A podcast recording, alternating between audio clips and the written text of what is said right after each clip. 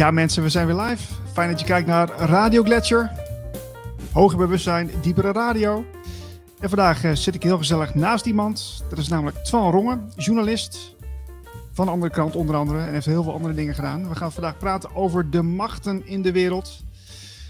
Ja, eh Marlijn zit aan de andere kant. De, machten in de wereld. Eh, waar moet je dan gelijk aan denken?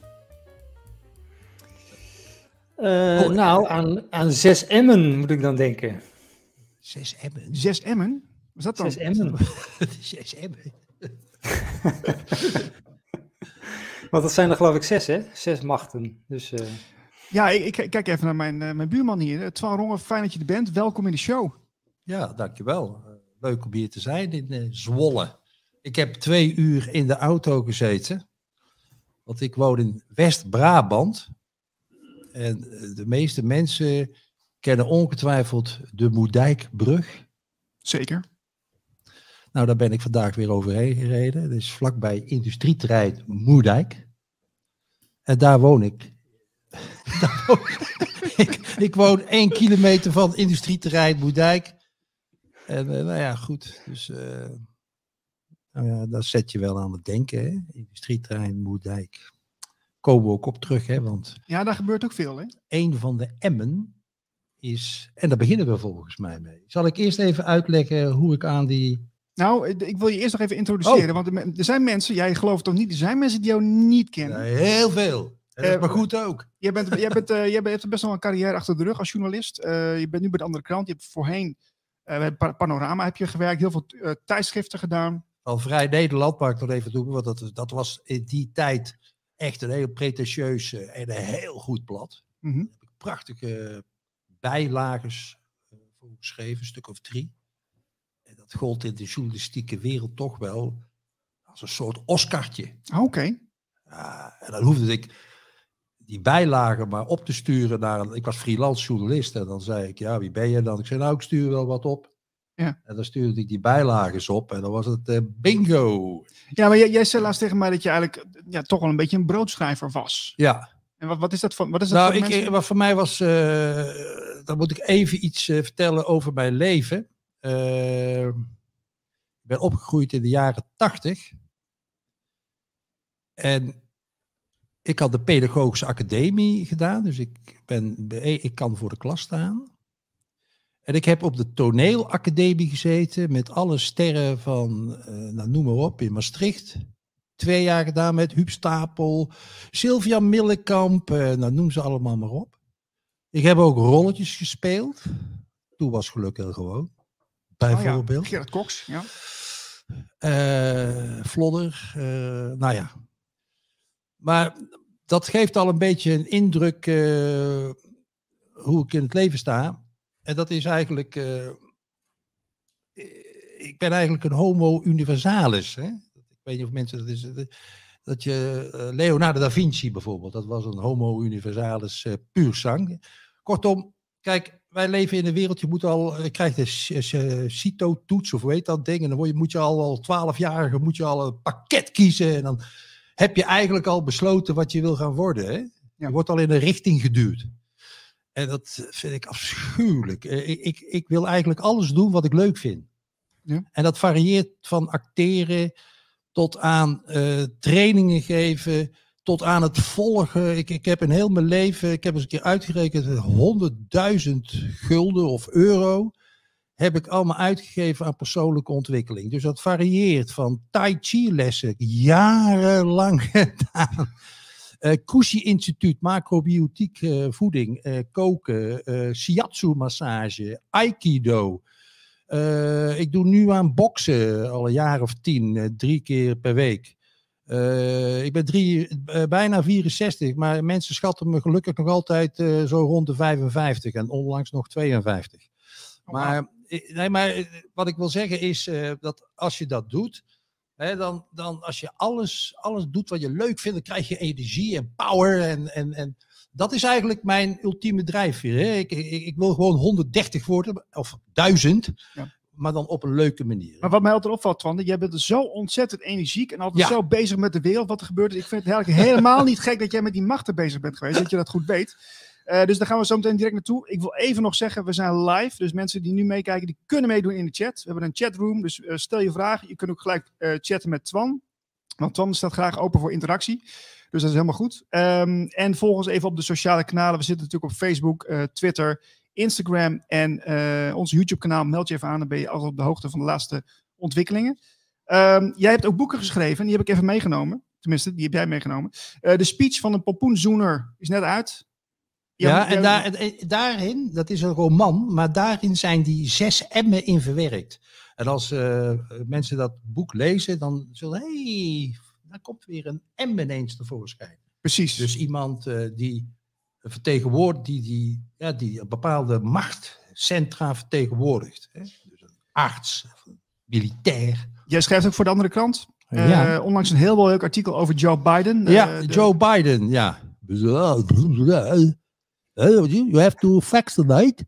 And then you will be, you have just, come on man, just uh, vaccinate and you will, you will never get COVID. En uh, gisteren of eergisteren uh, moest hij daarop terugkomen, want hij heeft dan al zijn boostertjes allemaal gehad. Uh, sorry, uh, come on man, I have COVID. Ja. Ja, en ik bes- bespeur toch bij jou ook wel een beetje een autoriteitsprobleem. Want je hebt dus een boek geschreven, Help mijn basis gestoord. Nou, dat zal toch wel ergens vandaan komen. Ja, ja, ja. Maar goed, eh, daar kunnen we zo even over doorgaan. Ik denk dat we zo gaan beginnen eh, met jouw lezing. Ik ga hier uit beeld en dan mag jij eh, ruim een uur lang eh, jouw ding doen. We hebben een aantal filmpjes, een aantal foto's. Ehm, ik wil eerst wel even beginnen met jou, maar hoe, hoe kom je, hoe kom je bij, bij, die, bij die machten terecht? Hè? Misschien is dat leuk om daar, daar even mee beginnen. Hoe is dat gekomen? Ja, dan zal ik dat, ja, dan, dat zal ik verwerken in een anekdote. Is dat oké? Jazeker. Oh, oh, ik ken de journalistiek. Oké, Ja? zal ik gewoon dan nu beginnen? Dan ga je gewoon beginnen. Uh, Rongen, de machten van deze wereld. En we komen zo over een uurtje bij jou terug. Oké. Alright. Dan moet ik een beetje in het midden gaan zitten, begrijp? Ja. Oké, goeiedag. Hallo mensen. Ja, eh, ik neem jullie even mee eh, naar mijn leven in eh, 1980. Zoals ik net al zei, ik had pedagogische academie gedaan. Ik zat, had op de twee jaar op de toneelacademie in Maastricht gezeten. En dat waren allemaal B-keuzes, want ik wilde journalist worden. Maar op de school voor de journalistiek, daar kwam je niet zomaar op. Je moest ofwel ervaring hebben, ofwel je moest ingelood worden. Gewoon een lotingssysteem. En als je drie loodjes had, dus had je drie, elk jaar drie schooljaren je had aangemeld, dan had je dus drie loodjes en dan werd je, werd je aangenomen. Nou, dus ik de, ja goed, dus ik heb elke keer uitgelood. Nou, toen ben ik maar naar de toneelacademie gegaan, waar ik heel veel geleerd heb trouwens. Maar goed, uiteindelijk had ik drie loodjes, dus ik van de toneelschool af, de school voor de journalistiek in Utrecht. Mijn eerste dag zal ik nooit vergeten. Het was een introductieweek en ik zat met een groepje van acht mensen bij elkaar. Jacques Vroeme, niemand kent hem, maar ik wel. Want Nou, bekende naam wel. was, die schreef destijds voor de nieuwe linie. Een beetje linksig eh, blad. En die was leraar en die vroeg aan ons de simpele vraag: waarom wil je journalist worden? Waarom zit je hier op school? Nummer 1. Ja, ik eh, wil eigenlijk schrijver worden. En eh, romans schrijven. Dus ik wil eigenlijk helemaal geen journalist worden. Maar ja, ik ben ingelood. Deze vrouw is niemand minder dan Helene Kroon, beter bekend als Helene van Rooyen. Die zat bij mij in de klas. Nummer twee. Cesar, nog altijd een hele goede vriend van mij. Waarom wil jij journalist worden? Nou, ik wil ook eigenlijk geen journalist worden. Ik wil eigenlijk dichter worden. Oké. Hij heeft een enorme carrière gehad, er nog, als spindokter. En vertelt me af en toe het een en ander wat er allemaal in allerlei machtscentra binnenskamers gebeurt. Hij zit daar middenin, want hij is een spindokter, geen journalist. Nummer drie, dat was een, wel een journalist, maar die was louter geïnteresseerd in regionaal nieuws. Het wereldnieuws interesseerde hem geen bied. En die werkte op de dag van vandaag bij het Noord-Hollands Dagblad.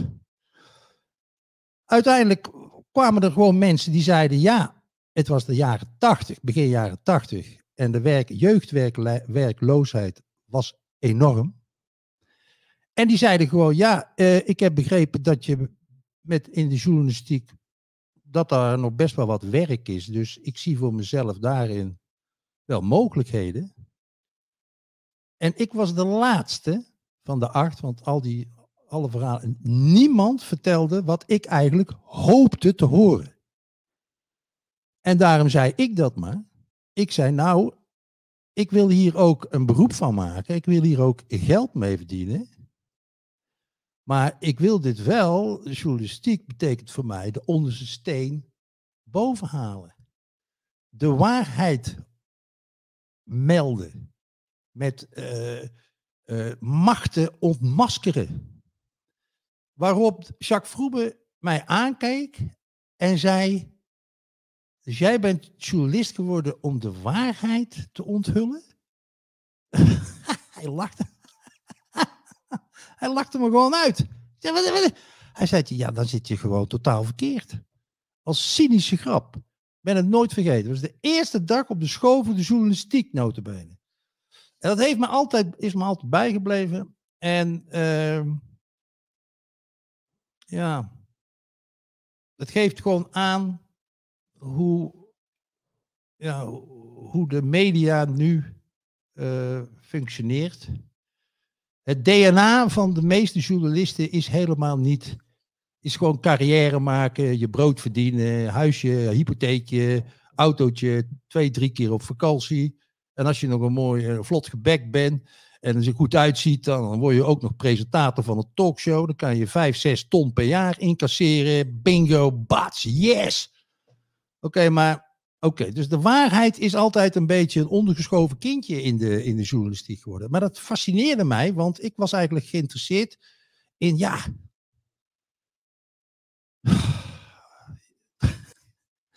Ja,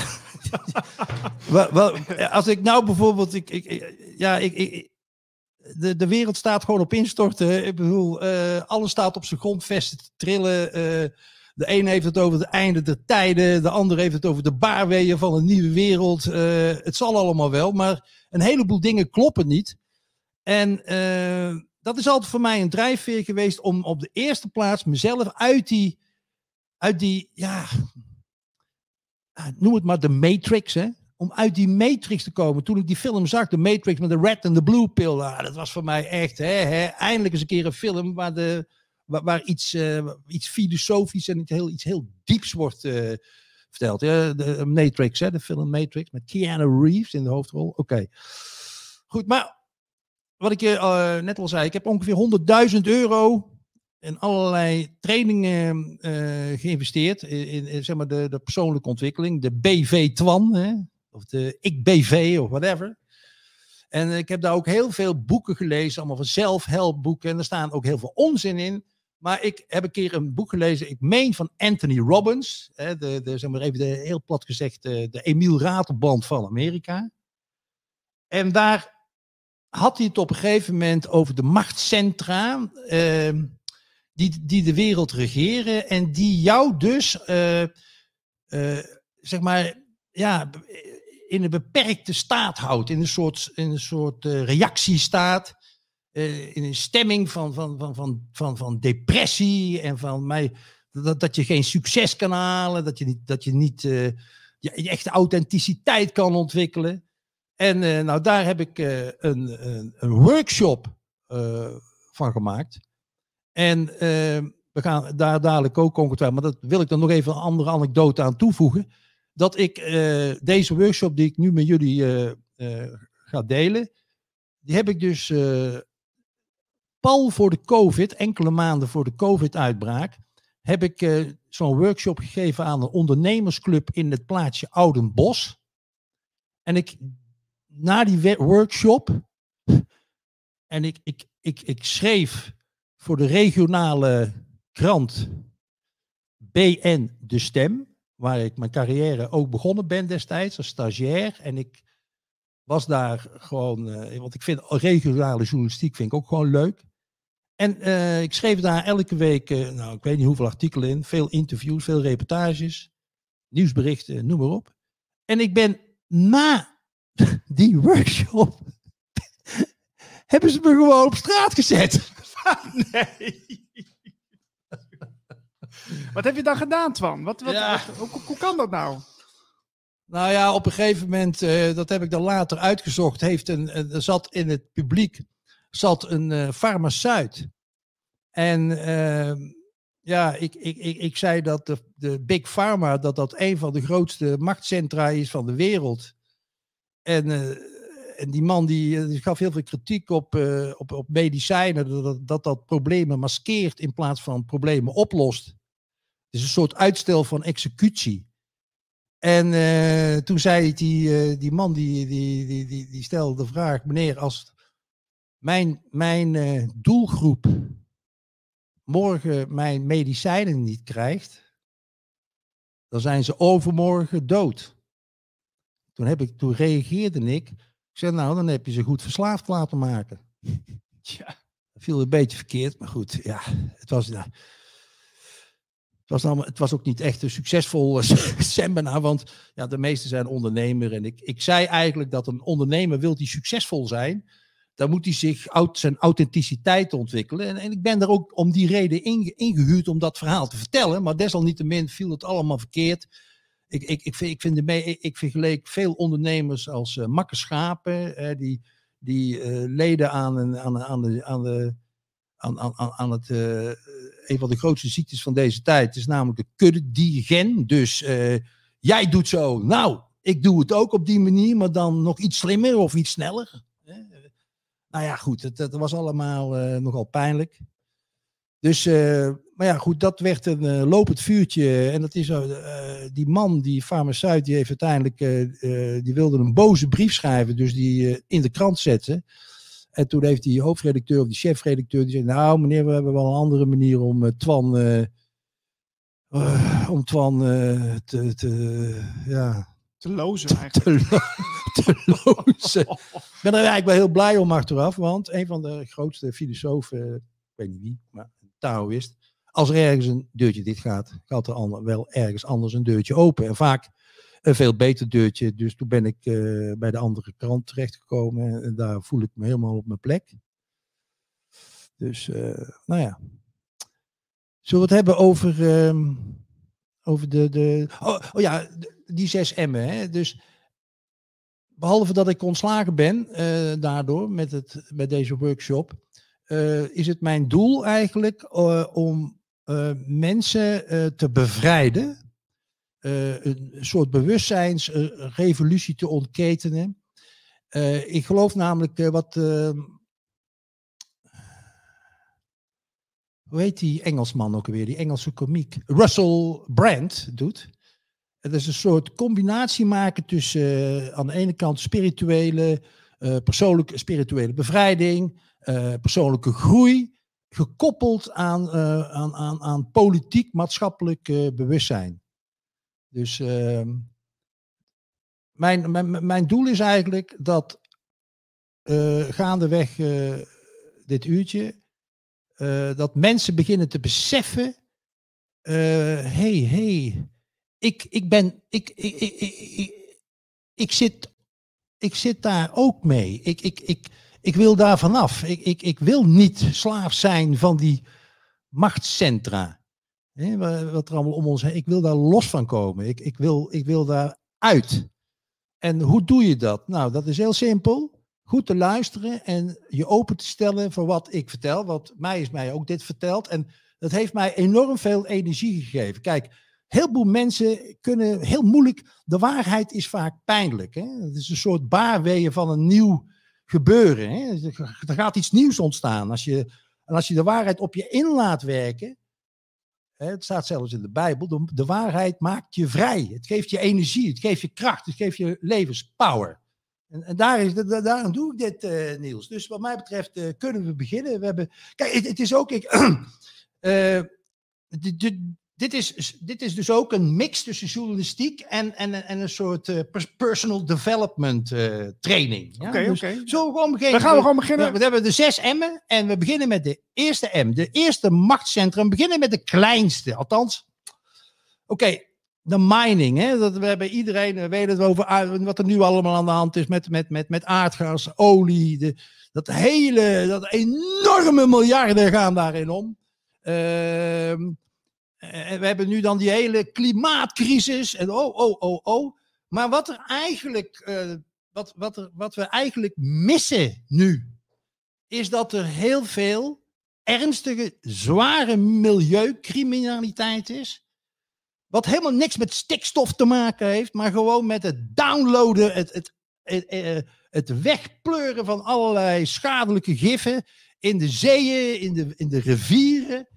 En dan is er, uh, is er uh, ik meen in 2017, ja, dat is alweer een tijdje terug, heeft, is, er, is er een prachtige documentaire gewoon in, de, bij de KRO en NCRV op televisie geweest. En ik, ik, ik, ik vind gewoon dat iedereen eigenlijk die documentaire zou moeten, moeten zien. is gemaakt door Wilfred, of Wilfried Komen. Een prachtige documentaire maken waar ook Nelly Smit-Kroes nog als een witte, als een milieucrimineel uh, naar boven komt. Nelly Smit-Kroes, met Uber en nou ja, Shell. Oké, nou, we kijken alleen maar naar de eerste twee minuten. En dan, ja, dan, ja, dan, moet, dan moet er al de nodige schellen van je ogen vallen. Hè? Dus laten we daar maar even naar kijken. In het voorjaar van 2010 wordt een lading van 30 miljoen liter giftig afvalwater uit Angola naar een groep Nederlandse afvalverwerkers verscheept. De lading bevat ruwe olie, bestrijdingsmiddelen en andere giftige chemicaliën. Stoffen die huid, oog- en longaandoeningen kunnen veroorzaken. Als de politie gesjoemel met papieren ontdekt, begint het een groot strafrechtelijk onderzoek. De rechercheurs vermoeden dat een groot deel van het afval in de Nederlandse rivieren is geloosd. Drie van de vier verwerkers kunnen tegenover de politie niet uitleggen wat ze met het afval hebben gedaan. In deze documentaire leggen we uit hoe een klein groepje bedrijven zich al tientallen jaren schuldig kan maken aan milieudelicten, doordat de overheid hen vrijwel ongestoord hun gang laat gaan. Maar dat is niet het enige. Via een anonieme tip komen wij erachter dat een aantal van deze bedrijven door de overheid is uitgenodigd om mee te schrijven aan een nieuwe milieuwet, die volgend jaar in werking zal treden. Deze wet zal volgens ingewijden verstrekkende gevolgen hebben voor onze gezondheid. Het is niet meer zo dat de overheid de burgers beschermt tegen de bedrijven. Maar dat de overheid ervoor is om de bedrijven tegen de burger te beschermen.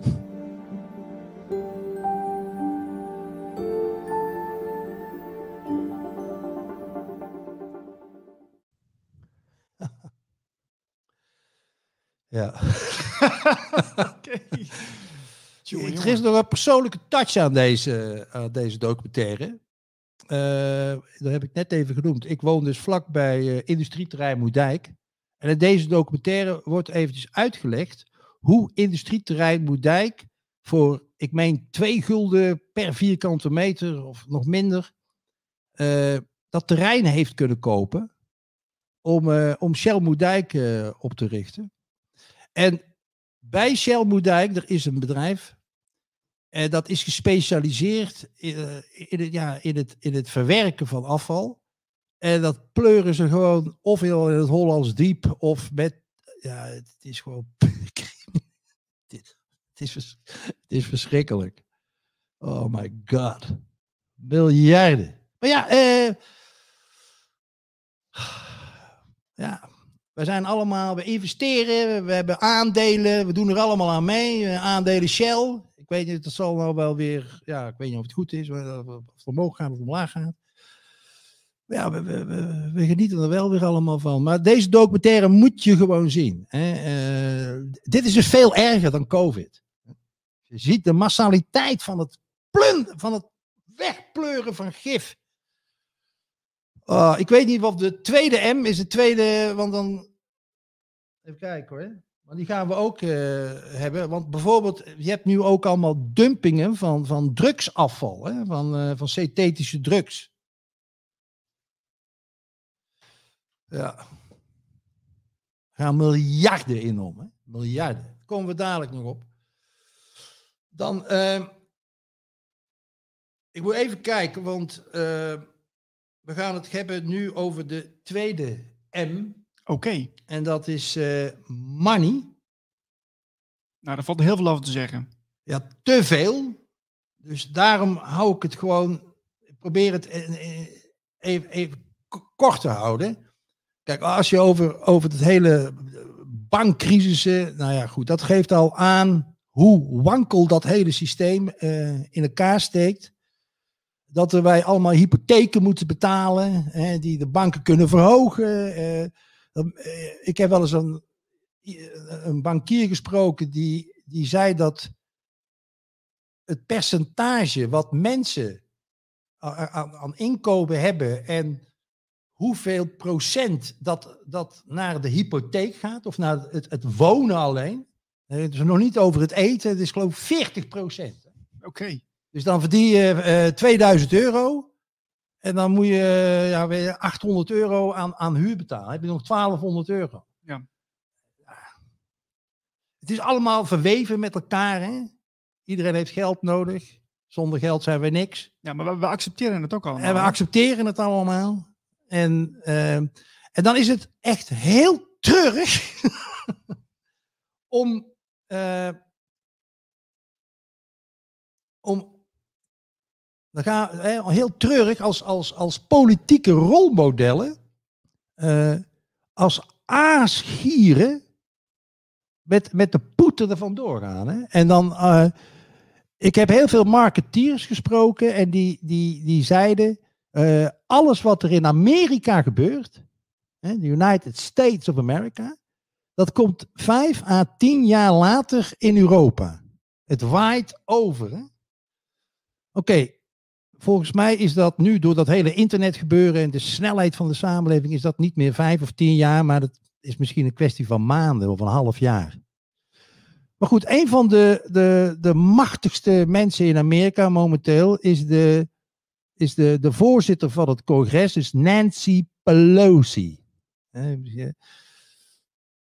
Nou ja, net als Joe Biden. eh, ja, een hele wankele conditie, laat ik het daarop houden. Maar ze is buitengewoon slim.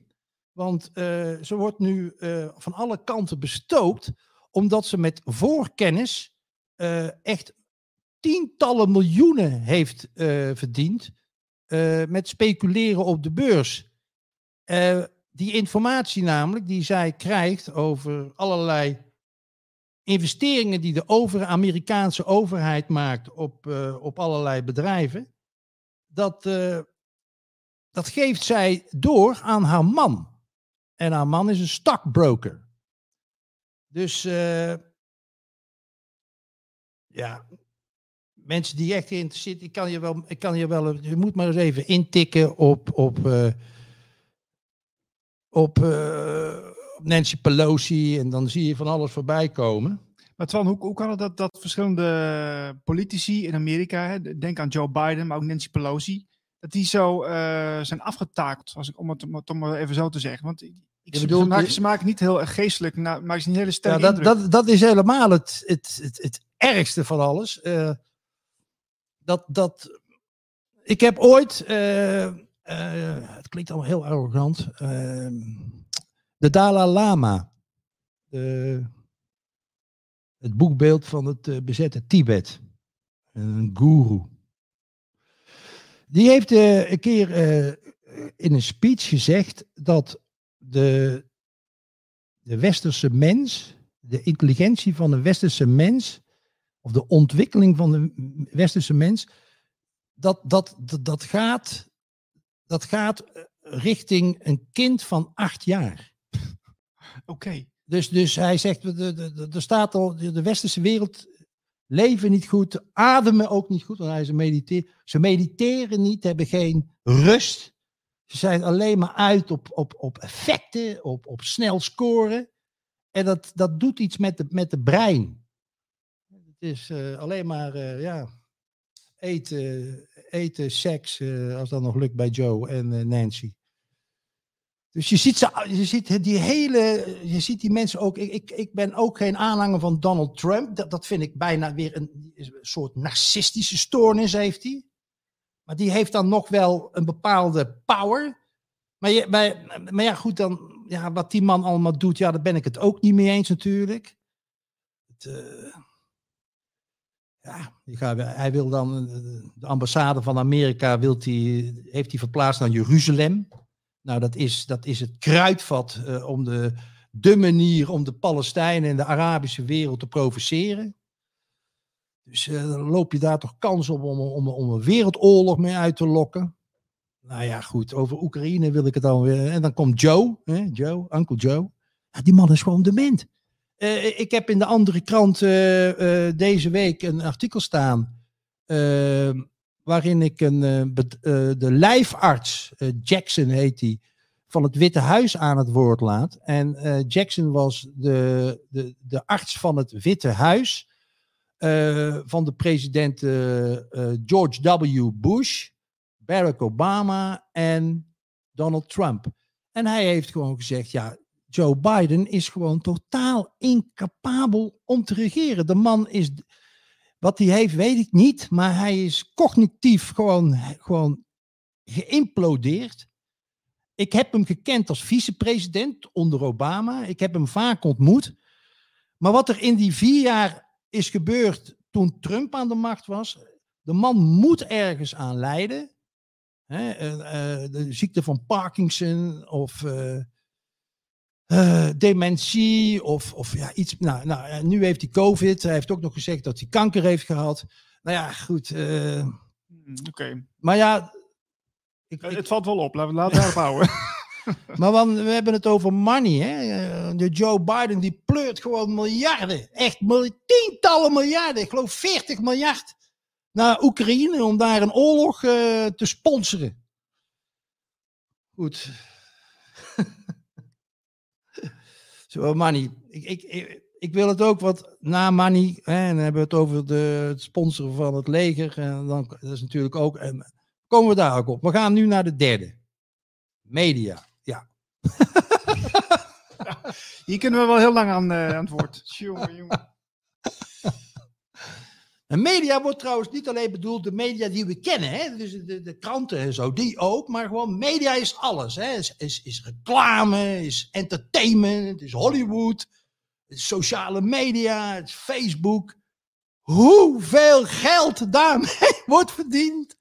My god. En hoeveel mensen daar in de ban van zijn, hè? Ik, ehm,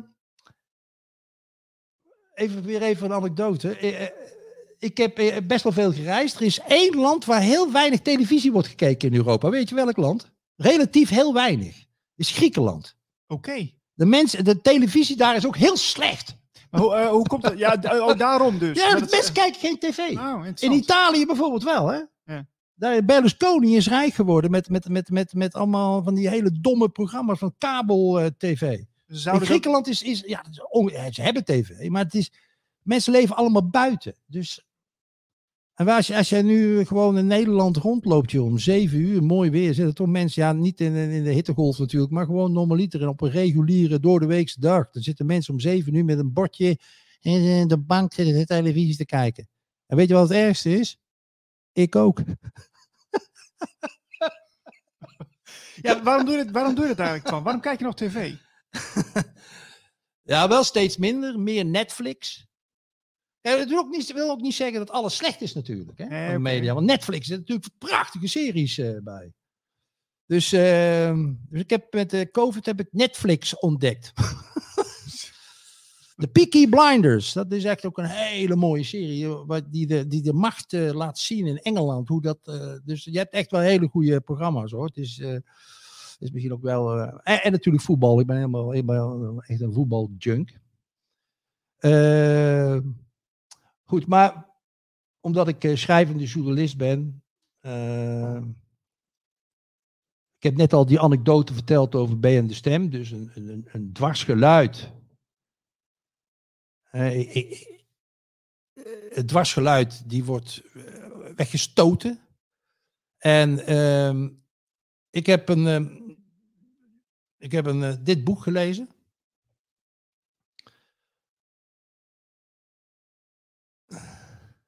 Een schitterende slangenkuil van een Ton Verlind. En dat is eh, een voormalige KRO brandpunt eh, eh, en een, nou ja, goed, de, de eminence grise van de KRO. En die heeft een boek geschreven over zijn journalistieke carrière. En ik heb een, in West-Brabant een, een, een, een, interviewprogramma, dat heet Bij Twan. En daar heb ik hem uitgenodigd. En eh, eh, het Ton, die heeft in dit boek, beschrijft hij de, de, de, de wetten van de media. Nou, een van die wetten is bijvoorbeeld eh, dat ehm, sensatie, hè, eh, het, het opjagen van, van angst, dat dat een heel, eh, eh, heel groot eh, kijkcijfereffect heeft. Mensen zijn dan genegen om te blijven kijken. En, eh, maar ik kan nu niet dat hele boek even eh, uitleggen, maar dus dat. eh, en overdrijving, hè, dus het is, het, het is helemaal geframed. Dus dus er worden bepaalde nieuwsfeiten worden ofwel gedowngrade. Ja, dus bijvoorbeeld die documentaire die we net lieten zien. Dat zou toch gewoon, ja, dat zou toch gewoon wereldnieuws moeten zijn in Nederland. Nou, dat heeft bijna geen navolging gekregen. Maar, maar, maar, maar wel bijvoorbeeld die hele COVID. Dat elke keer dat inprenten van nieuwe cijfers, bla. Dat, dat, nou ja, goed. Dus dat. Dat is, dat een hele. Er zit geen, er zit geen balans in. Hè? Eh, en hij heeft het nog over een ander ding. En eh, we laten een stukje zien van dat interview wat ik met hem had. Dat duurt twee minuten, geloof ik. Kan iets langer duren. Maar pagina ja, dat is opgenomen in een 167, studiootje in Oudenbosch. dat je altijd dezelfde mensen op de televisie ziet die een bepaalde bekendheid hebben en wie daarvan afwijkt en wie een mening heeft die afwijkt van het gangbare krijgt moe- moe- moeilijk toegang tot de media Ja. en ook moeilijk toegang tot de televisie. Wie buiten de gangbare paden treedt, wordt niet beoordeeld op zijn argumenten, schrijf ik, maar gewantrouwd, verdacht gemaakt, geïsoleerd. Er is altijd wel iets aan te merken op hun performance, hun verleden of hun tone of voice.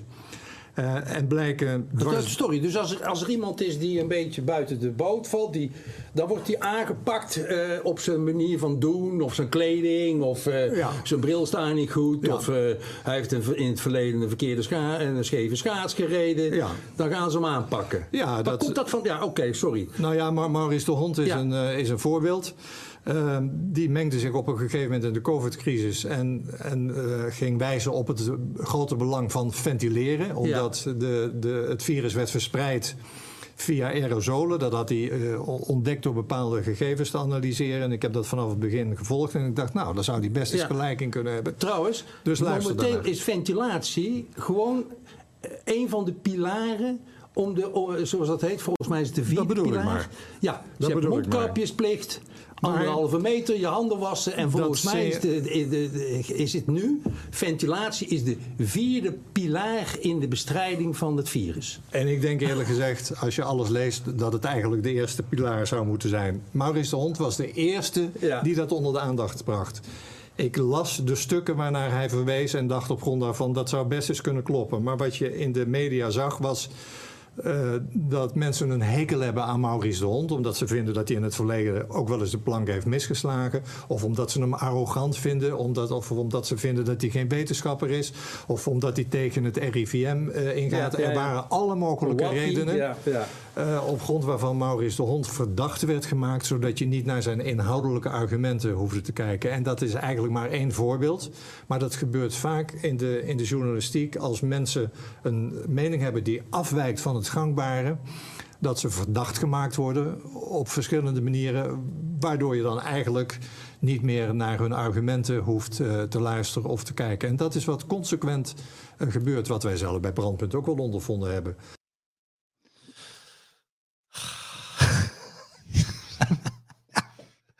Dan hebben we het nog maar alleen maar over Maurice de Hond. Maar goed, eh, daarom vind ik ook dat mensen echt de andere krant moeten lezen. Want daarin wordt, wordt alles, alle, alles wat wij weten over, ja, over, over Hugo, wat er allemaal is eh, achtergehouden. En, en Nou is het weer met die, hoe heet die, die, die mondkapjes, eh fraudeur. Van der Linden, de Siewert. Siebert is toch niet te geloven, joh. Niet te geloven.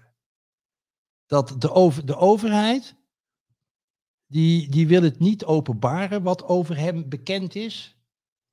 En nou moeten, daar moeten ze voor betalen, omdat ze verplicht zijn om dat, om dat eh, door te geven aan de media, aan de oprechte media. Ja, maar Twan, jij, jij werkt al heel Ja. lang in de journalistiek. Hè? Ik, eh, heb jij ooit, eh, is het voor jou duidelijk dat, de, dat overheden en media actief samenwerken?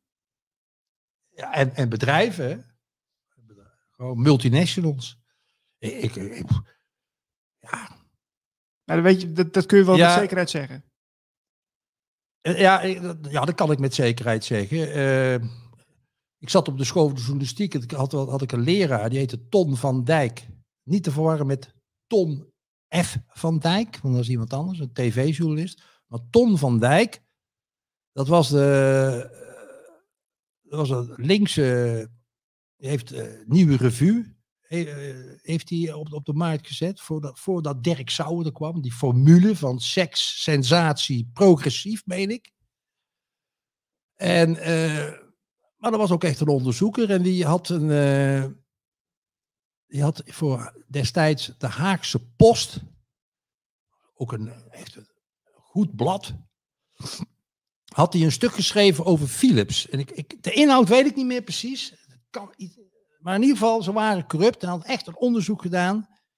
En eh, wa- wat toen de gewoonte was, dat als jij echt een, een, spectaculair stuk had, dan, ging je dat, eh, dan werd dat voorgekookt door andere media. Dus zo in de zin van, oké, aanstaande vrijdag komt de Haagse Post uit met het, met het grote nieuws dat Philips bla bla bla bla. En er waren afspraken gemaakt met de Avro-televisie. Dat was Wiebo van der Linden. Wie kent hem niet? Wiebo van der Linden. Die zou dat gaan doen. Die zou En dat deed hij niet. Uiteindelijk deed hij dat niet. Want er waren linken tussen Avro en Philips. Aha. En, en dat, dat, was, dat was nog in de jaren tachtig. Dus eh, ja, Voor, voorbeelden het, te over. alsmaar, het, het, het gaat als, alsmaar door. Dus, eh, en ook, ik, ik kan het ook weer ergens begrijpen. Want eh, ja, hey, bedrijven, die, die, die, het gaat allemaal om imago. En, en ze zijn allemaal groen en ze zijn allemaal even goed en eh, bla bla. En allemaal politiek correct. Ja, het is natuurlijk... het is natuurlijk, je hoeft er echt niet de journalistiek voor gestudeerd te hebben om in te zien Kijk, wie, wie, wie, wie betaalt, bepaalt. Hè? In de voetballerij geldt het geldt overal. Maar om nou eventjes eh, zo her en der eh, wat eh, gevallen wat ik heb mee heb gemaakt. Eh, ik heb ook voor een blad gewerkt wat, wat ook gewoon gesponsord werd door het bedrijfsleven. Ja, ik heb voor het blad van IBM gewerkt. IBM Magazine. Oké. Ik heb, en het blad Miljonair Magazine, dat is één grote advertentiekrant van, van automerken. eh, nou ja, daar moest je niks kritisch over. Je moest, niet eh, ja, de Lamborghini eh, af gaan zeiken natuurlijk. Maar ja, daar had ik ook weinig reden toe. Behalve dat het heel veel benzine zoop. Want elk uur zat ik bij het pompstation toen ik dat ding een week mocht, mocht lenen. Was het? Vier dagen. maar ja, dus ehm, ja, lees de andere krant. Het staat er gewoon. ja. Oké, we gaan, zullen we verder gaan? Eh, Of zijn er al vragen trouwens? Nee. Oké, we, gaan, we gaan gewoon verder. De volgende. Ja, prima. Ik, ik zal eens even kijken. Nee, nog geen vragen, denk ik. Ah, oké. Nou, maffia. Ja. Nou, nou. Ik had het net even over het eh, dumpen van, eh, van eh, drugsasfalt ehm, in het, eh, gewoon in de openbare ruimte. Oké, nou, eh, ik ga weer even terug naar West-Brabant. Ik kan, ik kan het ook heel groot gaan vertellen hè, over Colombia en, en, en Mexico. En, over de hele enorme cocaïneproductie. eh op schepen worden die, die cocaïne die worden, wordt, wordt gezuiverd. Nou ja, de miljarden. Hè? Maar we kunnen het ook gewoon klein houden en gewoon in je eigen omgeving kijken wat er aan de hand is. Hè? Eh, nou, dus drugsgebruik is gewoon heel normaal. Dus eh, ik, ik, eh, ik heb wel eens gebloot, vroeger in de jaren tachtig. En dan noemden we gewoon babydrugs. Een rode Libanon, dan moest je echt flink verpaffen om iets te voelen. Dan was ik laatst bij een vriend. En die, die, die stak een haze joint op. Weet je wel, een haze, ja, een speciale joint. eh, en nam ik letterlijk drie trekjes van. Kunnen er ook vier zijn geweest. Ik heb ingeademd. Ik heb geïnhaleerd. En ik heb daar echt twaalf uur, echt, was enorm stoned. Maar dat, dat roken jongeren dus gewoon, zo'n zo'n zo'n joint, dat roken ze gewoon eh, elke dag. En, en, en dan heb ik het nog niet over, want het is pure harddrugs. Dat is zo opgevoerd met, eh hoe heet het spul ook alweer? Eh, nou, kom ik er even niet op. Nou, het is gewoon, het is, gewoon harddrugs. En dan heb ik het nog helemaal niet over de pillen en nog niet over de coke. En, maar goed, West-Brabant. Brabant in het algemeen, maar West-Brabant in het bijzonder. De plek waar ik woon. Ja? Waar ik geboren ben en getogen ben. Sowieso, een oude vriend van mij van de, la, van de middelbare school is een topcrimineel. Zit nou in de bak. Ik ga zijn naam niet noemen. Ehm, echt een hele. ehm, echt een topper in die wereld. Nou, je ziet bijna wekelijks eh, eh, drugsafval her en der. Ehm, goed, nou. Luister. In dat interviewprogramma wat ik dus heb bij Twan, heet dat.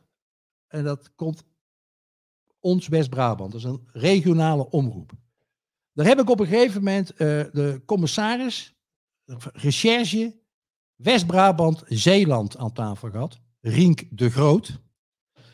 En die vertelde me het volgende. En we- Ik, we, een stukje zien van het interview. Hè?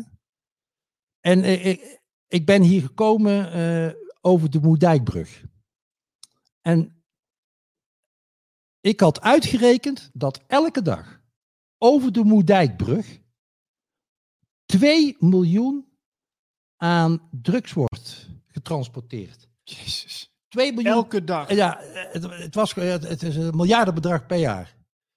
Nou, dat wordt dus verscheept. De mensen worden er knettergek van. Eh jongere levens gaan helemaal kapot. Eh, criminele bendes. Duizenden mensen leven daarvan. Er zijn wijken in Tilburg waar gewoon bijna gewoon letterlijk elk huis een wietkwekerij is. Ik heb het nog helemaal nog niet over echt over die de, de, de, de kookfabrieken die allemaal. Ik, nou, nou, dat- is ook allemaal bekend. Maar nou is nou het cruciale. Oké, nou zijn er ongeveer 100 criminele eh, drugsbendes in Nederland. Multinationals. Die, die politieman die we dadelijk zien, die, die, die zegt eh 20, 20, 20 bendes die, die vormen geen bedreiging voor de, qua, eh, voor, de, voor de openbare ruimte. Dus die pakken we gewoon niet aan. We, die laten we gewoon hun gang gaan. Dus dat betekent dat de 20 sowieso, die wordt, Ah, oké. of, of, of 30. En dan eh, eh, z- eh, 70, dat zijn bendes die hebben wij in beeld. Wij weten ongeveer wie het zijn. Niet alles, niet alle, maar wel de topmannen. Of de, of, of, we, we- we weten, en, daar, en daarvan wordt maar 20% echt aangepakt. Dus het. En wie zijn dat dan? Die echt worden aangepakt? Nou, dat zijn dus de motorbendes en de. En de in ieder geval die, die gangs die, die echt een bedreiging zijn voor de openbare ruimte. Satu- dus die schieten? Satudara, Ah, ja. en die, die, die gewoon eh, geweld plegen op straat. Maar ik ken dus bij mij in het dorp gewoon, of in mijn omgeving gewoon, gasten die daar gewoon dus middenin zitten. En die hebben gewoon een geweldig leven, doen heel relaxed. Gaan niet, die rijden gewoon ook niet in een superauto. Die doen gewoon, die rijden gewoon in, in een Audi TT. En doen gewoon heel relaxed. eh, ze de kinderen naar school brengen. En helemaal oké, joh. En die zijn schatrijk. Nou, laten we even kijken naar Rink de Groot. En die, die- ja, je, je moet kijken naar zijn lichaamstaal. Want hij, hij, hij, hij in, in, in, in, de privésfeer heeft hij daar enorm zijn woede over. eh, maar in dat interview houdt hij zich in, want hij is natuurlijk de ambassadeur van de politie. Nou goed, kijk even. Inmiddels hebben jullie zo'n 70% van de criminele organisaties in Nederland in beeld. 70, 80 procent kennen wij wel, ja. Maar slechts 10% of zo, 10% wordt aangepakt. Die krijgen. Het is de rest.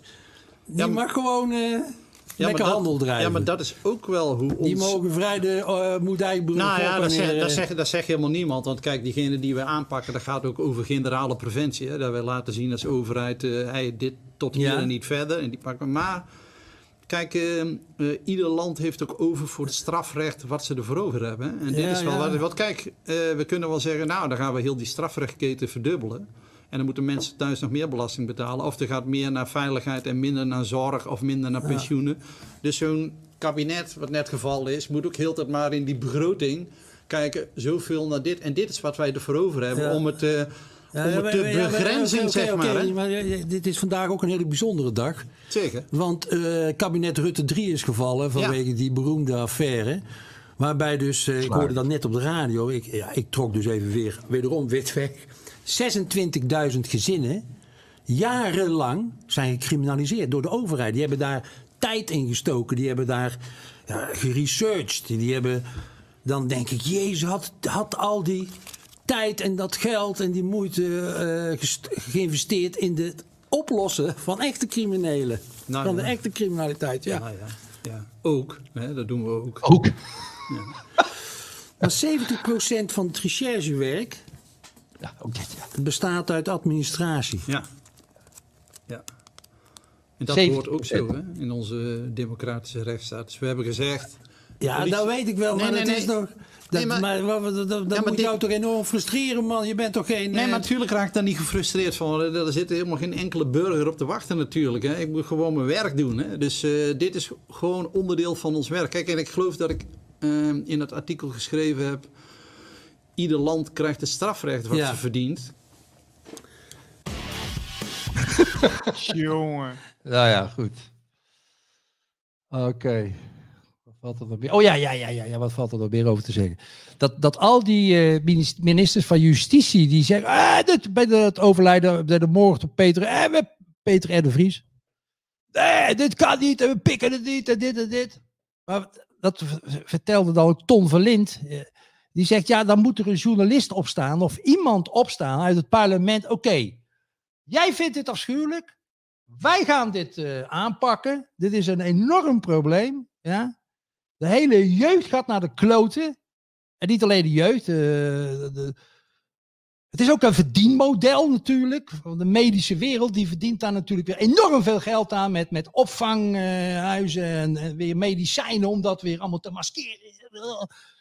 Ja, nou, we moeten dit aanpakken. Nou, en dan moet er een, een, een, een, parlementariër of dan, moet er, dan moet er een afspraak met hem gemaakt worden. Oké, mooie woorden. Welke daden ga je ondernemen? En over een, half jaar komen we terug en dan kijken we hoe het ermee staat.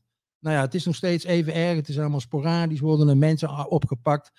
Ja, ik weet ook niet precies wat de manier is, maar het is al waarschijnlijk veel te laat. Maar goed, dat, dat is dus een nieuwe, de, de volgende M. Waar mensen aan kapot gaan. Hè? En, en, en hele levens worden, worden daardoor verwoest. Ik, ik heb vroeger een vriend gehad, een getalenteerde, leuke vent. En die heeft zijn leven helemaal niet aan erns gedrukt. Zijn leven gewoon kapot gebloot. Gewoon. Ah. Is nou inmiddels overleden. Zwaar depressief en weet ik het allemaal. Nou, alright. Ja, nou ja, dus... eh, nou, dan zijn we al bij de volgende. Eh, eh, medicine. Ga je over Pfizer vertellen? Oh ja. Ja?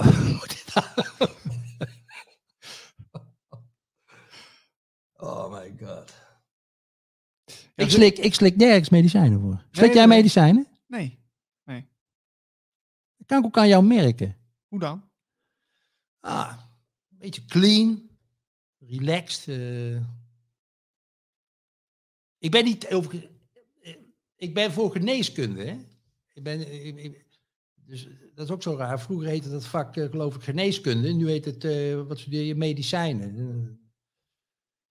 Eh, Ik, ik, ik, ben wel eens naar een dokter, dokter, dokter gegaan. Oei, oei, was het ook weer? Eh, Naar een dokter zeg je? Nou, dat was voor, maar- voor jezelf ja, of het voor is, Ik ga de verhaal wel vertellen. Oké. Op een gevoelige plaats Oh, in mijn lijf groeiden enkele vratten. Ik denk, ja goed, waardoor de kom weet ik niet. Ik heb wel een idee, maar goed. Dus ik ging naar... dit hebben we niet afgesproken. Nee. Maar goed, doe maar. Ging naar, dus naar de huisarts. En er was een vrouw, dat doet er niet toe, maar... En die keek daarna. En ik vergeet het nooit meer, het was eh pal voor kerstmis drie jaar geleden. En die zegt, eh, jezus hé, dit ziet er echt heel slecht uit. Ik zeg, nou ja. Ik denk, dat, is het geen aanbijen of zo? Nee. Trekt ook helemaal, eh, nee, het trekt ook helemaal naar binnen. En eh, ja, het begint met een K. Ik zeg, wat? Ik was gestopt met roken. En eh, dus ik zei ja, ja, ja, je moet, ik ga het meteen doorgeven aan, aan het ziekenhuis en eh, je wordt dadelijk gebeld. Nou, ik, kocht meteen een pakje sigaretten. Ik, ik, drak, eh, belde mijn vriendin op, ook helemaal in paniek. En inderdaad, een kwartier later, een half uur later, eh, Breda aan de telefoon. Afdeling oncologie van het ziekenhuis. Nou, ja, want ik moest meteen even bekeken, want het was, nou ja, het zou dus anuskanker zijn, hè? Dat is, dat is echt heel, dat had ik al meteen opgezocht. Nou, jongen. Oké. ik daar naartoe. En toen bleek het dus helemaal niks te zijn. Die arts, die moest, toen hij het zag, toen moest hij al lachen. Hij zei, dit is dit, dit dit. Maak je geen zorgen. Maar ik- mijn hele week was aan de kloten. Ja, hè? natuurlijk. Ja. Kerst, nieuwjaar. Ik, ik had al een heel plan, jongen. Echt doemscenario's voorbij. Be, bij wijze van spreken, ik had mijn begrafenisspeech al geschreven. Echt. En eh, ik vergeet nooit, het was een Syrische arts. was een vlucht. En die moest echt lachen dat ik zo eh, pa- panikeerde. Zei, Dit is helemaal niks. Maar ik ga het wel even onderzoeken. Dus dan heb ik nog een week of zo in spanning gezeten. Maar eh, ik zeg tegen die arts, ik zeg, maar hoe komt die huisarts erbij? ja, precies. om, om zo, zo, eh, zo heftig. eh, dus dat heb ik bij ons in het dorp lopen onderzoeken. En die, die huisarts, die is een paar keer, heeft ze eh, een onderdiagnose gedaan. Een verkeerde diagnose. Voor iemand die, die, die dus een, Wel iets had, zeg maar. die, die dus ze zei, nee, neem gewoon een aspirintje. En die is de volgende dag eh, met een hartaanval eh, eh, opgenomen en overleden. Of in ieder geval... Dus die, die, die, die, die spuit gewoon maar eh, om, om zichzelf in te dekken. Dus, nou ja, oké, dat is dat hele systeem waar je dan in zit. En waar niet alleen ik, maar als je gewoon om je heen, nou, hoe je vaak, hoe je hoort, je eens luisteren hoeveel mensen over ze praten. Met een witte jas aan. Ze gaan dit, ze gaan onderzoeken dat. En helemaal zich, zich een hele hebben en houden overgeven aan de medische wereld. Zo, zonder enige gêne ook gewoon van man, denk zelf na, ga aan jezelf werken. Nee, ik rook, ik drink Maar ik zit wel elke dag ook in een sportschool, ja. En ik let op mijn voeding. En ik ben continu bezig met emotionele release en noem maar op. Nee, gewoon huppa, gaan ze weer. Als makke schapen naar het ziekenhuis. Ik kan me er zo ongelooflijk pissig over maken. Wordt mij niet een dank afgenomen door mijn vrienden, want dan begint Twan weer. Maar goed, oké, dus de medische wereld. Oké. Nog een anekdote en dan hou ik maar op. Ja? Ja, dat logotje van Pfizer moet je even laten zien, denk Wat? ik. Dat, dat Oh ja, Pfizer. ja, Ja, ja. dat is... eh, Ik heb een vriend en die spindokter eh, bij allerlei bedrijven. En onder andere bij dit bedrijf, wat enorme recordwinsten maken dankzij de COVID.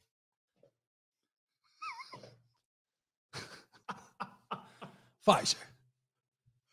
Ja, nou, die vriend van mij, die heeft jarenlang bij Pfizer in de keuken gekeken.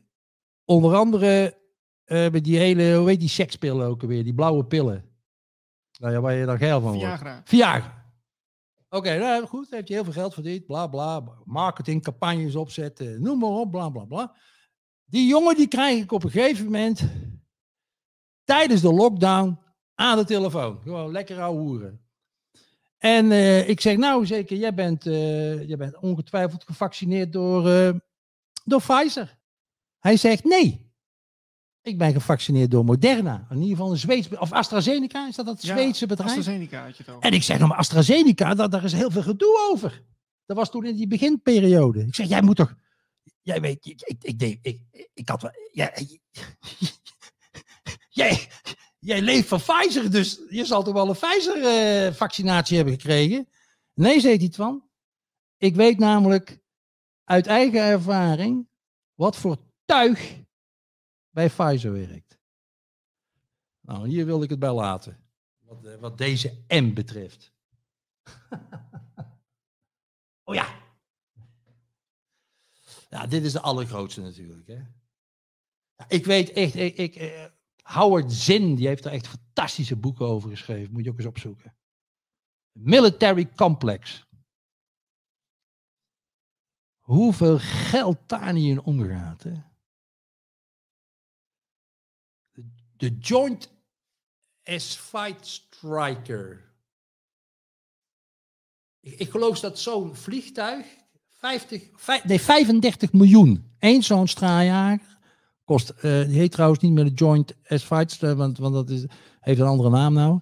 Maar die, die kost. eh, Chris Klep, militair deskundige, die heeft me dat eh, verteld. Eh, 35 miljoen. Voor, voor, voor één moet, je na, moet jij gewoon eens even nagaan wat je met die 35 miljoen aan positiviteit kan doen. Hè? Maar goed, we hebben het allemaal nodig, ja. We moeten. een- eh, en en nou, dat heeft natuurlijk een hele lange geschiedenis. Hoe dat, eh, op, maar ik ben wel eens in Seattle geweest. Die hele stad is een Boeing-stad. Is, is eigenlijk een echte stad geworden door de Tweede Wereldoorlog. Want Boeing die ging daar zijn fabrieken bouwen. En eh, ja, Amerika is natuurlijk het, land bij uitstek wat ongelooflijk veel geld verdient aan. eh, Dat is de allergrootste industrie in Amerika. En ehm, Dwight Eisenhower, de voormalige ja, topgeneraal van de geallieerden die Europa heeft bevrijd van de nazi's, die wordt eh, eh, president van Amerika. Ik, ik, meen in 1957 of 58. eh, na Truman republikein.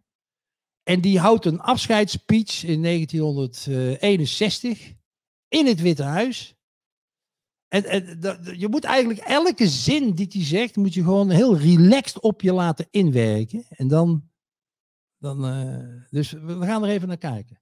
Voor mij was dit echt mindblowing. A vital element in keeping the peace is our military establishment. Our arms must be mighty, ready for instant action, so that no potential aggressor may be tempted to risk his own destruction. Our military organization today bears little relation to that known of any of my predecessors in peacetime, or indeed by the fighting men of World War II or Korea. Until the latest of our world conflicts, the United States had no armaments industry. American makers of plowshares could, with time and as required, make swords as well. But we can no longer risk emergency improvisation of national defense. We have been compelled to create a permanent armaments industry of vast proportions. Added to this, three and a half million men and women are directly engaged in the defense establishment. We annually spend on military security alone more than the net income of all United States corporation, corporations. Now, this conjunction of an immense military establishment and a large arms industry is new in the American experience. The total influence, economic, political, even spiritual, is felt in every city, every state house, every office of the federal government. We recognize the imperative need for this development, yet we must not fail to comprehend its grave implications. Our toil, resources, and livelihood are all involved. So is the very structure of our society. In the councils of government, we must guard against the acquisition of unwarranted influence, whether sought or unsought, by the military industrial complex. The potential for the disastrous rise of misplaced power exists and will persist. We must never let the weight of this combination endanger our liberties or democratic processes. We should take nothing for granted. Only an alert and knowledgeable citizenry can compel the proper meshing of the huge industrial and military machinery of defense with our peaceful methods and goals, so that security and liberty may prosper together. Het, het vond ik een vraag. Ja, maar hij was, hij, hij, hij, hij, hij ja. Ja, ja nee, ik, wat, wat, wat, ik zit hier naar te kijken en ik, ik, ja, wij weten dat inmiddels wel, maar hoe, hoe, ja, hebben mensen enig benul hoe omvangrijk dat, dat military industrial complex is? Dat is, uh, dat is gigantisch. Dat komt, dat komt ook omdat mensen geen idee hebben wat geld eigenlijk is. Oké. Dus met geld kan je alles, met geld kan je de wereld kopen. Dat is een bepaalde vrijheid. Ik, ik ken heel veel mensen die zijn voor geld gegaan. Als jij, dus, maar, maar ook de bedragen. Dus um, hoeveel is 1 miljard? Hoeveel, hoeveel is, hoeveel, hoeveel uh, miljoen is 1 miljard? Moet je niet aan mij vragen, dat soort dingen. Dat is uh, heel, ja. veel, heel veel. Dat is duizend. Duizend, ja. Ja, nee, want je hebt dus 900 miljoen. En uh, dus, dus 1 miljard is, is duizend miljoen. En wat je daarmee kan doen, hè, dat is. Ja. oh man. Was Goed. De beste gesprekken heb je op straat zonder de microfoon aan. Dus ik ken uh, een kolonel van het Nederlandse leger. Hele aardige man. En die heeft me gewoon verteld, ja, het is gewoon algemeen bekend, dat je de, de NAVO, de westerse powers, die moeten om de 15, 20 jaar een, een, een, een oorlog hebben. Om wapens uh, ja, dat moet doorstromen. Mm -hmm. wapens moeten, moeten weer.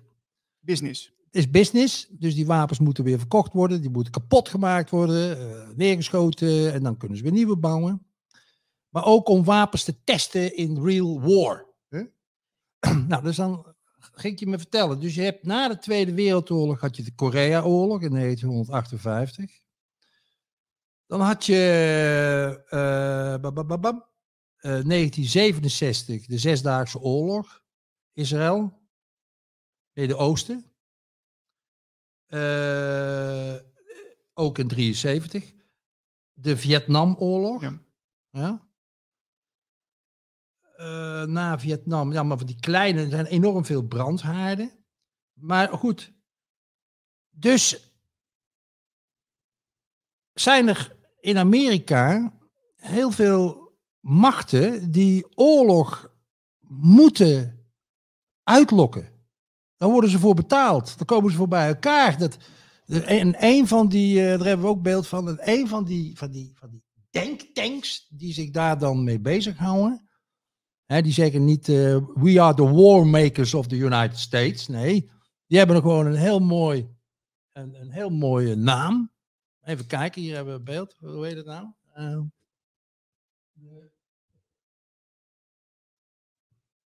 the Project for the New American Century. Nou, dat is een denktank, die kwamen oh, midden jaren negentig bij elkaar. En er zitten allemaal van die hawks in. Hè? Uh, later bij de. Dus ook George W. Bush zat erbij, Rumsfeld en Howard Stern, uh, Dick Cheney. En die kwamen gewoon bij elkaar en die hebben gewoon gezegd: Moet je kijken,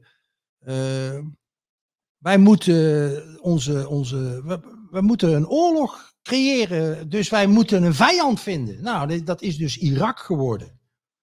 En, en, en dan, dan staat daar letterlijk in ergens in die tekst. Uh, wat uitkwam notabene op 11 september 2000, hè, de New Century. Dus op 11 september 2000 kwam dat papier uit. Dat kan, kan, je ook overal vinden op internet. Dus het is ook helemaal geen... Het is gewoon een complot in plain sight. en die hebben gewoon gezegd... We need a new Pearl Harbor. Ja, even voor de mensen die geen geschiedenisles hebben gehad. Pearl Harbor was in 1941. De Japanners vielen uh, uh, Hawaii aan. En dat was voor Amerika aanleiding om de Tweede Wereld, Wereldoorlog te stappen. Nou ja, goed. Dus we need a new Pearl Harbor. En letterlijk een jaar later uh, breekt 9-11 uit. We, we, zien al die toren instorten.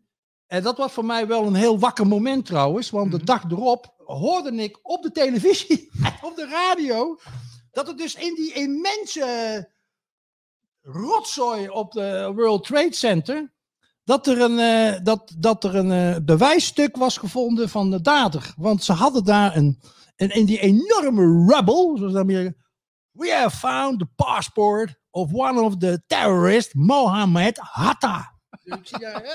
Kijk hier. Uh, Waanzin natuurlijk. Maar goed, daar, daar heeft David Icke echt ook een fantastisch boek over geschreven. En niet alleen hij, over gewoon wat er allemaal uh, mis is gegaan, wat niet klopt. Uh, ja, die oorlog is natuurlijk gewoon uitgelokt. Dat hoef ik ook helemaal niet meer te vertellen, want er waren helemaal geen massa-vernietigingswapens daar. Dus oké, nou, waar moeten we er allemaal meer over vertellen? Why? Wat moeten we nou met deze kennis doen, Niels? Eerste plaats even dit. Ja. Moet je gewoon, dit doe ik in een workshop. Hè? Ja. Dan verdeel ik dus die, die, de, de, de klas, zeg maar, de deelnemers, die verdeel ik in groepjes, in zes groepen. En elk groepje is verantwoordelijk voor één van die machten. Oh ja. En, en, en, en, en jij, of deze vragen aan mij, wat, wat, ze vragen aan mij, Twan. Jij, wij hebben jou gekozen. De beste baan, de machtigste man ter wereld ben je. Althans aan de buitenkant. You are the president of the United States. Of gewoon van Europa. Hè? En uh, ja, zeg ik dan. En ik begin heel keurig, dat zie je ook. Hè? Ik geloof dat Barack Obama bijvoorbeeld best wel echt, in, echt van binnenuit echt change wilde. En dat hij dus echt uh, wilde werken aan een, aan een betere wereld. Hè? Dat al die zes M'en gewoon hun, hun, ja, dat, dat, dat ze bij zinnen komen. Dat ze gewoon liefdevol in de wereld gaan staan. En dan zie je die man, die komt dan en die moet dus, die is gekozen door allerlei, allerlei partijen. En daar zitten allemaal weer lijntjes aan. En die hebben allemaal weer contacten met die, met die, met die gevestigde machten.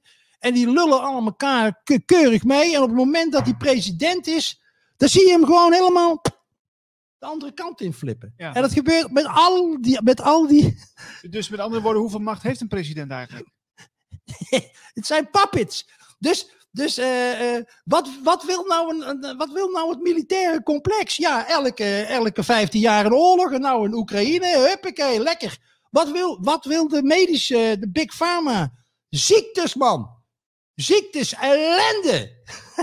en als En als er geen ziekte is, dan verzinnen we er wel één. Ik, ik heb bijvoorbeeld een, een hele goede vriend van mij, is psychi psychiater. AIDS. A of, eh, sorry, AIDS. Uh, ADHD. Ja. ja. dat heb ik. Maar dat is geen ziekte. Dat is, dat, dat is gewoon bedacht. Dat zit in dat. Goed, hebben ze even. Dus. In DSM. Dat, ja. ja. Ja, de DSM. Goed, daar hebben, ik heb daar een heel boek over geschreven. Over die DSM en over, de, over die gestoorde bazen. Hè. Dat gaat allemaal over psychologie. En allemaal hoe de, hoe de Big Pharma daar allemaal een, een rol in vervult. Geld? Nee. Mensen moeten. Uh, uh, mensen moeten net genoeg verdienen om, om, om een hypotheek af te sluiten. En zich te vullen met, met, met, met, uh, met fastfood. En, een, en een auto te kopen. En huppel de pup mee te doen in die, in die tredmolen. Maar je moet ze ook weer niet zoveel geld geven. Dat ze helemaal zich financieel vrij gaan voelen. Dat is alleen maar weggelegd voor de, voor de happy few natuurlijk. en dan even kijken, wat nog meer? Oh ja, criminaliteit. Ja, natuurlijk moeten we de criminaliteit, jongen, dat is, dat is een onruststoker. Dat is geweldig. Mensen worden bang. Uh, mensen kopen wapens. Zitten aan de drugs. Allemaal ellende creëren. Dat is geweldig. Daar kunnen we allerlei instituties voor in. Vergaderen, ambtenaren, managers. Nou, hebben we nou nog meer? Uh, rechters. Ja. rechters. nou ja, dat hele juridische systeem. Wat, nou, als je daar allemaal in zit, joh. Je, God, man, man, advocaat, dit, uh, weer duizend euro afgeven voor een of ander papiertje wat ze moeten schrijven. Even kijken, wat, we nou, wat, wat voor M hebben we nou nog meer? Wat, uh, meer uh, oh ja, media. Ja, ja, goed, ja die, hebben we ook, ook al gehad. Hè? Maar jij wilde, jij wilde naar de oplossing toe. Hè? Wat, wat moeten we nou doen dan, Twan? Dit is een, dit is een bizarre wereld geworden. De eerste beste oplossing is gewoon niks ademhalen. Doe niet mee. Stop er gewoon mee. Pel het af. Begin gewoon. Oké, wat is nou. Ga, dat is, hier komt de coach in mij. Hè? Wat is nou het allerbelangrijkste? Dat jij niks nodig hebt. Zo weinig mogelijk. Dat je kan leven van zo weinig mogelijk eten. Dat je niet verslaafd bent aan kleding, aan status, aan helemaal niks. Breathe, enjoy. Kijk naar buiten, geniet van het mooie weer. Geniet van elkaar. Zorg ervoor dat je relaxed bent, dat je energie hebt, dat je zin hebt om te leven. Want ze hebben de grootste vijand van die zes M'en, ja, dat zijn healthy people. Gezonde, vitale mensen. Die gewoon geen medicijnen nodig hebben. Gewoon lekker in het leven staan. Gewoon hun authenticiteit ontwikkelen. En zich niet gek laten maken door alles wat die zes M'en uh, verzinnen om ons uh, ja, in, in, in, dat konijnenhol te trekken. Ja, nou.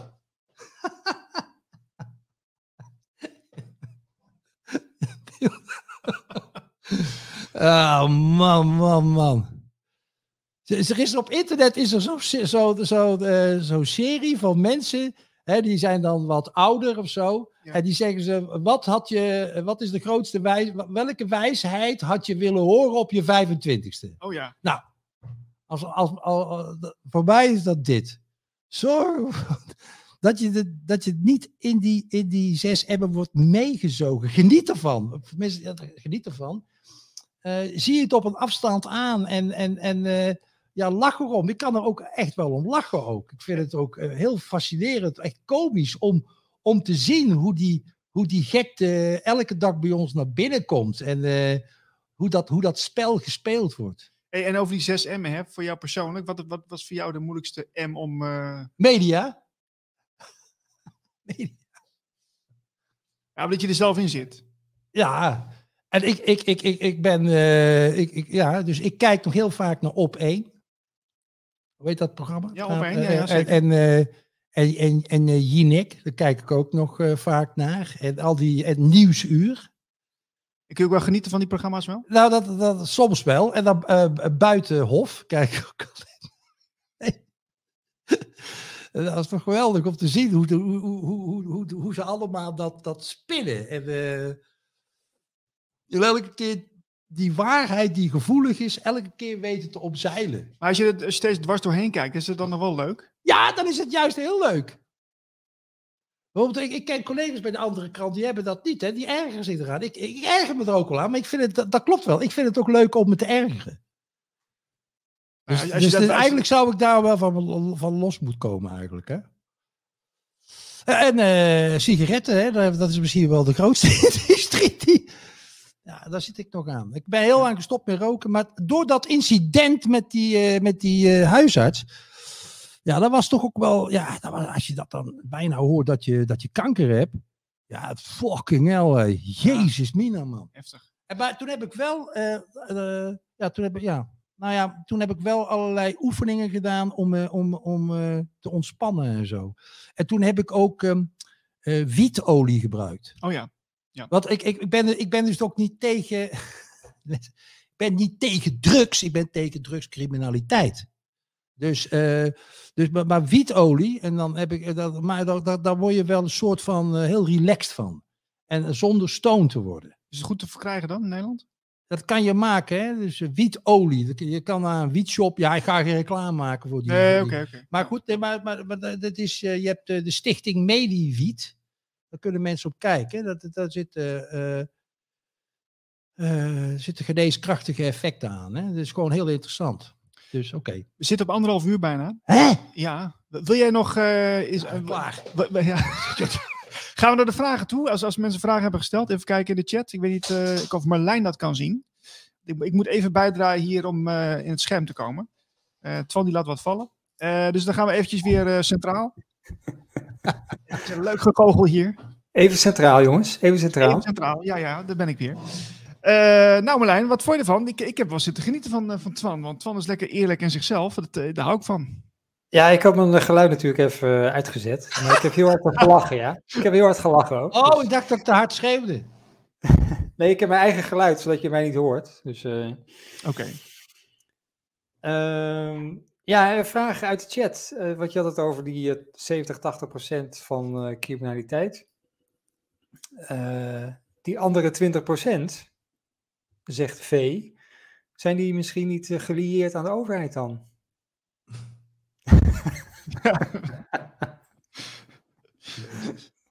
Ja, het is wel zo dat eh, eh,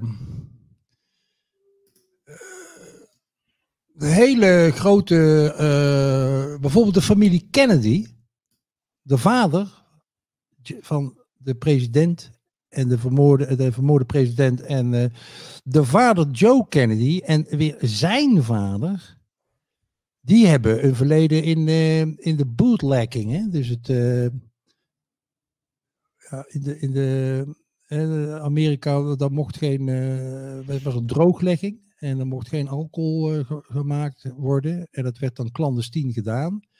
En daar zijn de Kennedys groot mee geworden. De familie Taft, als ik wel heb hoor. Maar echt, er zijn heel veel families die opiumhandel hebben opgezet. Hè? Dus hele machtige families die dat gedaan hebben. Ja, er zal best. eh, ja, dat er, gaan, er zijn boeken over geschreven over, over die, die, die, die enorme eh, verbanden die er bestaan met eh, machtige, machtige mensen, regeringleiders, met, met ja goed, laten we gewoon bij Suriname blijven, hè? Daisy Bouters en de cocaïnehandel. Dan hebben we het nog... ja, ik, ik, ik, ik kan wel uitspraken doen hoor. Het zou, het zou me niet verbazen dat, eh, dat, eh, dat er gewoon de elite in Nederland eh, daar aan, aan mee heeft gewerkt. Of nog meewerkt. Of dat allemaal oogluikend toestaat. Ik vind het, ja, kan er, Nou, die agent is natuurlijk wel grappig dat hij zegt van we hebben, we hebben oog op 70, 80 procent. Ja. Hè, daar hebben we oog op. En op eh, 20 procent dus niet. Ja, hoe weet je dan dat het 20 procent is? Ja, weet ik ook. Goeie vraag. Ja, ja. Maar eh, je pre- presteert het programma nog steeds, Twan? Of is dat nu gestopt? Wederom een eh anekdote. Ik ben gestopt met het programma, want ik eh, werd. eh, mijn manier van vragen stellen werd niet als professioneel gezien. en ik was. Ik weigerde ook een eh, masker te dragen als ik daar die studio in kwam. Dus daar kreeg ik ook allemaal kutopmerkingen over. Dus ik denk, ja. En ik moest er nog voor betalen ook. En eh, ik ben ermee gestopt. Jammer. Ja. Oké. Nou, misschien dat ik het wel weer oppak hoor, dat weet ik niet. Maar ik, ik ben niet. eh, Ja, maar ik, ik was dus een wappie daar. Hè? En dan heb je gewoon. eh, mensen kijken je amper aan. En eh, ja, daar kan ik niet in functioneren natuurlijk. Ja, daar kan ik wel in functioneren, maar ik, ik- ik- niet fijn. Ja. Oké. Eh, zijn er nog meer vragen, Marlijn? Heb jij nog een vraag? Nou, Twan had het ook even over eh, eh, de paspoorten die bij eh, de Twin Towers gevonden waren. Dus eh, dit vond ik zelf eh, wel leuk. Want die Georgia Guidestones, die zijn natuurlijk omgevallen. Oh ja, ja, ja, ja. Eh, oh ja, ja, ja, ja. Ja, Mohammed Atta, zijn paspoort lag daar dus ook. Jezus. Is het fake nieuws of is het echt? Waar, waar, waar hebben we het vandaan, dit? Nee, dit is eh, fake. Maar, Oh, eh, Oké. Oh. Ja.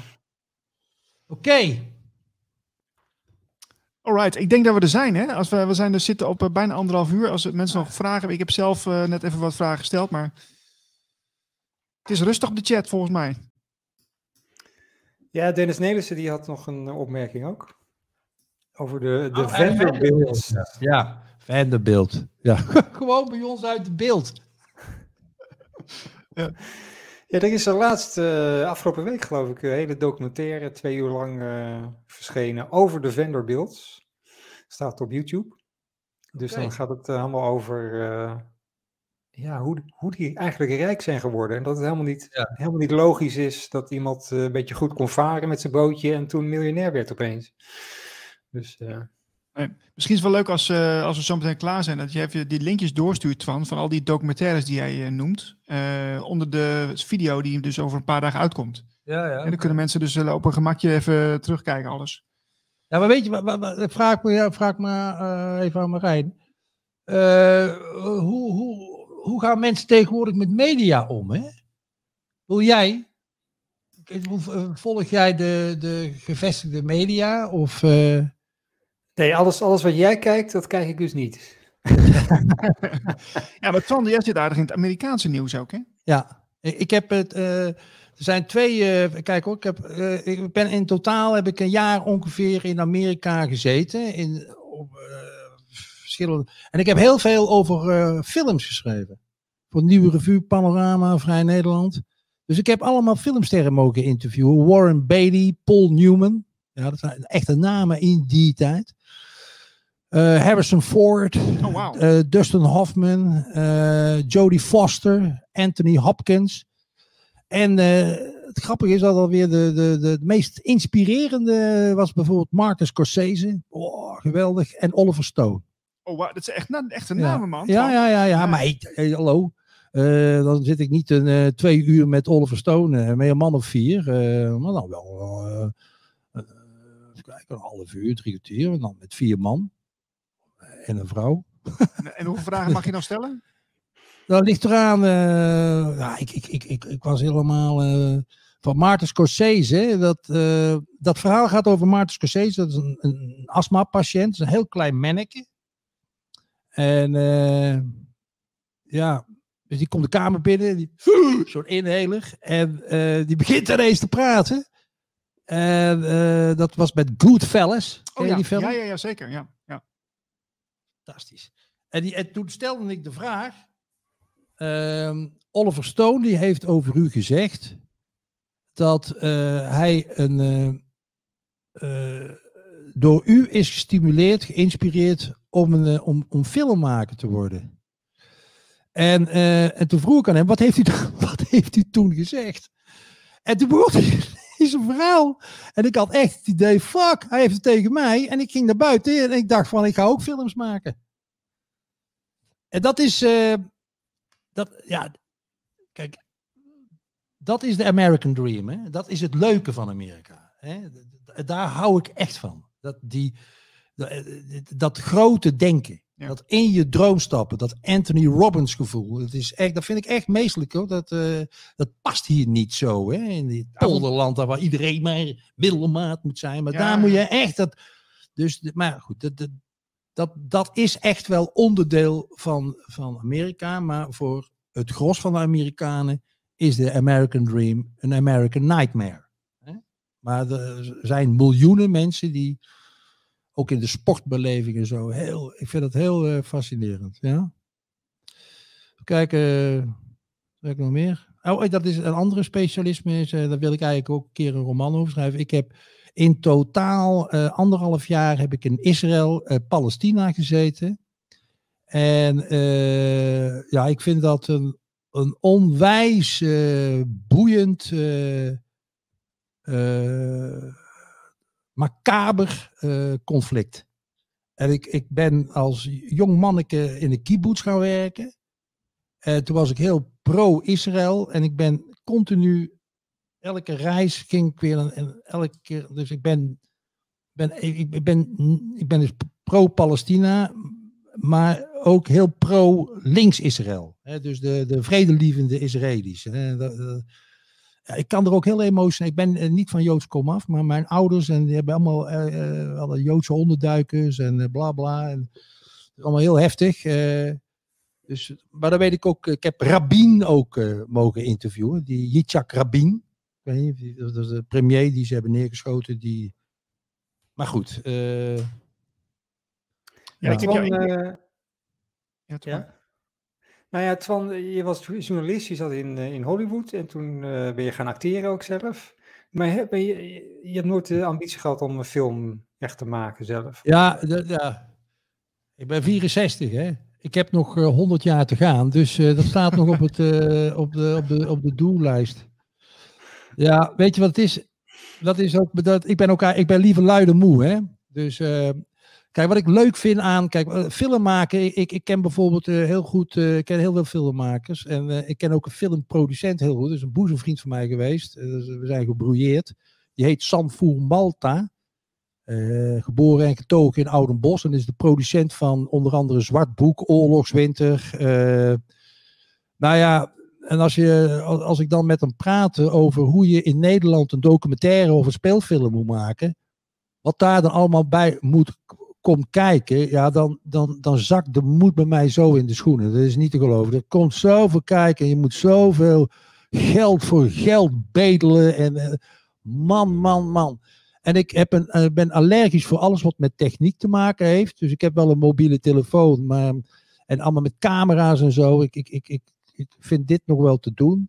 En studio's, vind ik eh, in Hilversum en zo, dat vind ik allemaal hele onappetijtelijke ruimtes. Eh, ik krijg het er ook al benauwd. Ik, ik, ik voel me daar gewoon helemaal niet op mijn plek. Ik voel me nog altijd het beste gewoon met, eh, gewoon, met een, ja, een bloknoot en een pen. En af en toe opnemen met de telefoon. Ja, wat vroeger een cassette recordertje was. Heel basic. Simpel, maar met vlag en wimpel. Mooi gezegd. Ik zie een vraag binnenkomen. Hartelijk dank voor je zomerlezing, zegt Gerda. Oh, dat is een eh, leuke opmerking van Gerda. Oké. Nou, ik hoop dat de mensen er echt iets aan gehad hebben. Hè?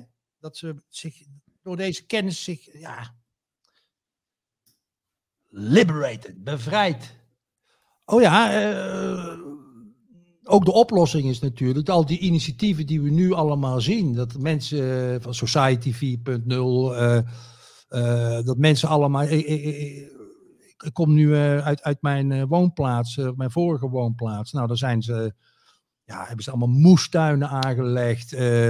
Mensen hebben het allemaal wel door. Hè. Ze hebben steeds meer mensen worden wakker. Hè. Ze gaan voor zich ze vertrouwen, voorkomen terecht. Ik kom ook mensen tegen die investeren dus absoluut geen energie meer in politieke discussies. Kijk, dat is nog goed. Ja, Dat ze doen alleen maar actie. Ja, oké. Dus, dus eh, ze gaan ook die, al die moeilijke, ingewikkelde gesprekken gewoon uit de weg. Gaan gewoon alle energie steken in het opbouwen van een nieuwe wereld. En dat, eh, ja, ja, vind ik, dat vind ik heel geweldig. Ik zit daar ook bij met de andere kant. Hè. Wij zijn. Ja, wij, Dus- wij, wij zijn natuurlijk een spirituele zender, hè? dus we hebben ook al aandacht voor nieuwe initiatieven. Maar als je, als je nou kijkt naar spiritualiteit, want daar heb je ook wel wat mee. Ja. Eh, hoe belangrijk is dat dan? Nou, een spiritualiteit. Ja, ik kan er hele anekdotes over vertellen. Ja, nee, we- dat gewoon even tot slot. Want we, we- Kijk, dit is echt een hele leuke anekdote. Ja? Oké, ja. Zitten er mensen te kijken die van wielrennen houden? Ongetwijfeld. Nou, eh, eh, Ehm, ja, het is echt een heel mooi verhaal. Hè? Goed. Eh, als jij dus bevrijd wordt hè, van al die waanzin, die, je, je ontkoppelt je daarvan, dan gaan er dus dingen gebeuren in je leven waar, waar- waarbij je het gevoel hebt van fuck, weet je, ik ben op het goede pad. Maar er staat niemand ergens met een bordje klaar of zo van Twan, goed, je doet het goed jongen. Hè, van, eh, je bent op het goede pad. Maar er is, bestaat wel dingen eh, die eh, synchroniteiten. Synchroniciteit, ja. ja, ja. hebben, hebben jullie daar wel, daar kan ik echt hele meestelijke verhalen over vertellen, maar ik vertel er één. Oké. Oké, ik doe in Zevenbergen. Ik denk, jezus mina, wat doet die vet allemaal veel? Nou, dat doe ik ook, een talkshow in een kroeg. West-Brabant is ook de Silicon Valley van het wielrennen. Ja, zo. Oké. Er komen allemaal eh, goede wiel. En eh, er is een plaatje. En eh, we wonen, hebben, eh, goed, dat ligt aan de Belgische grens. Oké. Dus ik heb zelf helemaal niks met wielrennen. Ik vind het een saaie sport. Maar als je dan in het café zit, ja, dan moet je kijken. Want heel, heel het café zit dan de hele middag naar de Alpe d'Huez, eh, zoals langs. Een saaie etappe, maar het maakt niet uit. Iedereen maar kijken, kijken, kijken. Dan zegt mijn compagnon bij die, van die talkshow in de kroeg, die zegt, Twan, we moeten meer wielrenners. Waarom, waarom, ben jij, waarom ben jij zo tegen wielrennen? Ja, ik, ik heb er gewoon niks mee. Maar als jij een goede wielrenner hebt, dan, dan trekken wij een volle bak. Het leeft hier. En ik hou ook enorm van wielrennen. En hij vraagt, maar waarom hou je nou niet zo van wielrennen? En van het cyclisme. Ik zeg, nou, ik, ik, vind het... Ik, ik, hij zei, wanneer was de eerste keer dan dat jij, dat jij kennis maakte met de Tour de France? Ik zeg, nou, was ik, ik was een klein manneke. Ik was geloof ik een jaar of twaalf. En we zaten bij ons in de tuin met allemaal ooms en tantes. En er was dan zo'n oom, die komt dan met een grote, zo'n grote radio aan. Die had die radio, pontificaal op tafel. En iedereen die moest luisteren naar de Tour. Nou, leuk. Nou, eh, leuk. Ja, ik, eh, nou, eh Ome Fons heette die. Weet je wat, wel leuk. En ineens, paniek. Oh. Het was paniek. Want er was de Engelse gele truidrager op dat moment, Bobby Simpson. Nou, echte wielrenners, het was geloof ik in 1968. Misschien kan je het nog even opzoeken. Die was neergevallen, dood. Op een, op een hele grote berg. Hoe heet die? Eh, volgens mij. Daar heeft hij nu een standbeeld. Bobby Simpson. Nou, dat was mijn eerste. Ik denk, ja, eh, wat is het voor een sport? Ga je dus gewoon kapot. Dat is, eh, eh, nou, toen kwam al die doping erbij. Dus ik zeg zo tegen Henk. Maar ik, zeg, ik heb dus ook helemaal daarom helemaal niks. Het zijn leugenaars. Ik hou van eerlijke mensen. Lance Armstrong is het een en al leuke wat die vent vertelde. Jarenlang zitten allemaal aan de doop.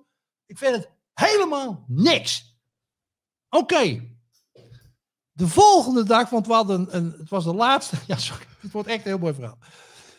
De, de twee dagen daarna ga ik naar Lesbos. Naar mijn ideale plaatsje Petra. Ik zit daar op het terras. Ik kan de foto laten zien, maar goed, laat me. En ik kom twee mensen tegen. Oudere mensen, tachtigers, een vrouw met een wandelstok en een beetje een fitte andere Engels, een Engelsman en, en een Britse vrouw. Ze gaan zitten bij ons en ze beginnen te praten tegen ons, tegen mij, in het Nederlands met een Engels accent. Nou, wat opvallend. Waar, waar, waar, waar kom jij dan vandaan? Ik zei, nou, ik kom uit Nederland. Ja, wij, wij, wij hebben jarenlang in België gewoond, in Vlaanderen, bij Brugge in de buurt. Zei, hoe komen jullie nou in godsnaam eh, van Engeland in, eh, in, in Vlaanderen terecht? "Ah, because uh, of the cycling. I'm I, I was a professional biker. Ik zeg, wat? Ben, ben, ben jij een profielrenner geweest? Hij zei, ja, years. Ik zeg, ja, sorry. Maar de, de enige Engelse, eh, ik krijg het ook, de enige Engelsman die ik ken uit die periode waar u, waar, waar- dat is Bobby Simpson. Ja. Waarop, ze, waarop zijn vrouw zegt, yes, Bobby was my husband. Wauw. wow, wow, kan het opzoeken. Dus ik, wat? Nou, en eh, ik was zo ontdaan dat ik die mensen gewoon totaal vergeet. Dus dat vertelde ik aan Henk. Van, ik, eh, weet je wat er nou is overkomen? Dus bla bla bla bla. Hij zei, fuck it man. Had, die mensen die wonen in, daar hebben wij, daar- wij moeten die mensen moeten wij eh, naar de bakkerij, naar, naar onze talkshow halen. Ja, ja, ja, ik zei, ja. ik heb, eh, ik heb absoluut niet meer het telefoonnummer van ze. Maar ik was dus laatst weer op dat eiland. En wie kom ik dat tegen? Kom ik dat stel tegen. Dus ja. Maar wie was dan, ja. eh, dus die, die vrouw die was getrouwd met Bobby Simpson. Ja. En die man, die, was, eh, die heette Barry Hoban. Ik Hogan, Hoban. Oh, je, je hebt een fotootje, zie ik. En eh, met de fiets. Dus ik kwam ze, ik kwam ze dus. Misschien, eh, Ietsje ja. hoger. Ja, ik Ja. niet of, het te zien is hoor. Is dat te zien? Eh, misschien. Nou ja, in ieder geval hebben ze het idee dat ik niet uit mijn, uit mijn nek lig te We kunnen, het, we kunnen het er even inplakken straks. En Ja. Wel bijzonder dus ik heb, ze, ik heb ze uitgenodigd. En, eh, goed, maar dan, dat, kijk, dat synchroniteiten, dat is dan zeg maar de, voor mij het, het bewijs. En ik heb er meer hoor, het is niet. eh, Maar dat, is, dat geeft aan van, hey, fuck man, je, je, er, is, er zijn er bepaalde energieën in de wereld die je op het juiste pad zetten. En, en, en, en, dat, dat, dat, die momenten, die, die, die, die creëer je door uit, die, uit, de, uit, uit de matrix, uit die tredmolen, uit die zes emmen te stappen. Om gewoon echt in, die vrijheid te proeven. En dan gaat er, dat is heel ernstig, want je bent, je bent niet zo opgevoed. Je moet het loslaten. Ik, ik, ik, ben, nog- ik ben 64 dus en ik ben eigenlijk dat laatste jaren ben ik dat echt aan het, aan het, aan het, echt van overtuigd geraakt dat het zo werkt. Mhm. Maar ik zou, ik, maar ja goed, eh, ik, ik- ja, ik kan. Ja, nee, ja, mooi, en mooi. Het gebeurt meestal dat soort momenten als je dan ook een, een echt een beslissing hebt gemaakt. Hè. In mijn geval was het, ik ga, want ik, ik wilde echt op vakantie en dat was even moeilijk, ik doe allemaal. En ik denk, ik ga gewoon, weet je. Dat, dat, ik doe het gewoon. En nou, dan eh, gebeuren dit soort dingen. Synchroniciteit. Leuk boek, onderwerp. Heb, je, heb jij daar niet voor iemand over geïnterviewd? Over Nog niet. Maar misschien dat, eh, daar daar gaan we misschien even over babbelen zometeen. Leuk. Twan, we gaan afsluiten. Ik wil je heel erg danken voor je tijd. Ik vond het een hele mooie, interessante lezing. Twee, dag, twee uur eh, terug. Ga over de Boerdijkbrug. Overigens op de Boerdijkbrug, oh ja, 2 miljoen per jaar, eh, per dag. Voor de mensen die nog niet gezien hebben, lees de andere krant. Twan die schrijft ook voor de andere krant bijna wekelijks. En heeft ook een aantal boeken uitgebracht. Nou ja, zijn laatste boek, die zou ik nog even erbij pakken. Eh, de speech van de pompoenzoener is eh, eigenlijk vrij recent uitgekomen. Leuke roman, ik heb hem zelf ook gelezen. en eh we zijn binnenkort eh, met vakantie, hè eh, Marlijn? Ja, wij gaan even ertussenuit, soort van. Eh, in de maand augustus. En dan zijn wij, volgens mij is het de zesde weer, 6 september. Zijn wij weer terug met Lunsing en Van Dobber op de dinsdag. En al het nieuws krijgen jullie in de nieuwsbrief. Precies, dus als je nog niet aangemeld bent, eh, ga even naar onze website www.radioglacier.nl en dan onderaan kun je je aanmelden met subscribe en dan heb jij elke week de nieuwsbrief met het laatste nieuws van onze zender. En meld je even aan op al, onze kanalen, eh, Twitter, eh, je gaat er vandoor. Twitter, Facebook en natuurlijk Instagram en YouTube. Even ab- abonneren als je nog niet gedaan hebt, dan ehm, volg je ons op alle programma's. Ehm, ik denk dat we er zijn. We gaan lekker de zomer eh, in voor een maandje. En in september zijn we er weer. Eh, er komt nog meer informatie over het nieuwe programma, want er gaat wat aankomen. Eh, kleine verschuiving, een kleine verandering in, de, in, in, in het concept van het programma. Maar goed, dat hoor je dan later. Wij wensen iedereen een hele fijne zomer alvast. En ik denk dat we gaan afsluiten, Marlijn. Alweer. Misschien heb jij nog een leuk, iets vertellen, een leuk slotwoord. Leuk slotwoord. Nee, nee, ja, iedereen bedankt voor het kijken naar de zomerlezingen tot nu toe. En eh, wij zien jullie, zien jullie graag terug in september. Ik kan wel zeggen dat de live-uitzending van Lunsing en Van Dobber wordt voor de donateurs. Oké. Nou ja, dat is En, eventjes, eh, eh, even slikken voor sommigen misschien. Maar dat, eh, maar het komt uiteindelijk... En slikken weer doorgaan.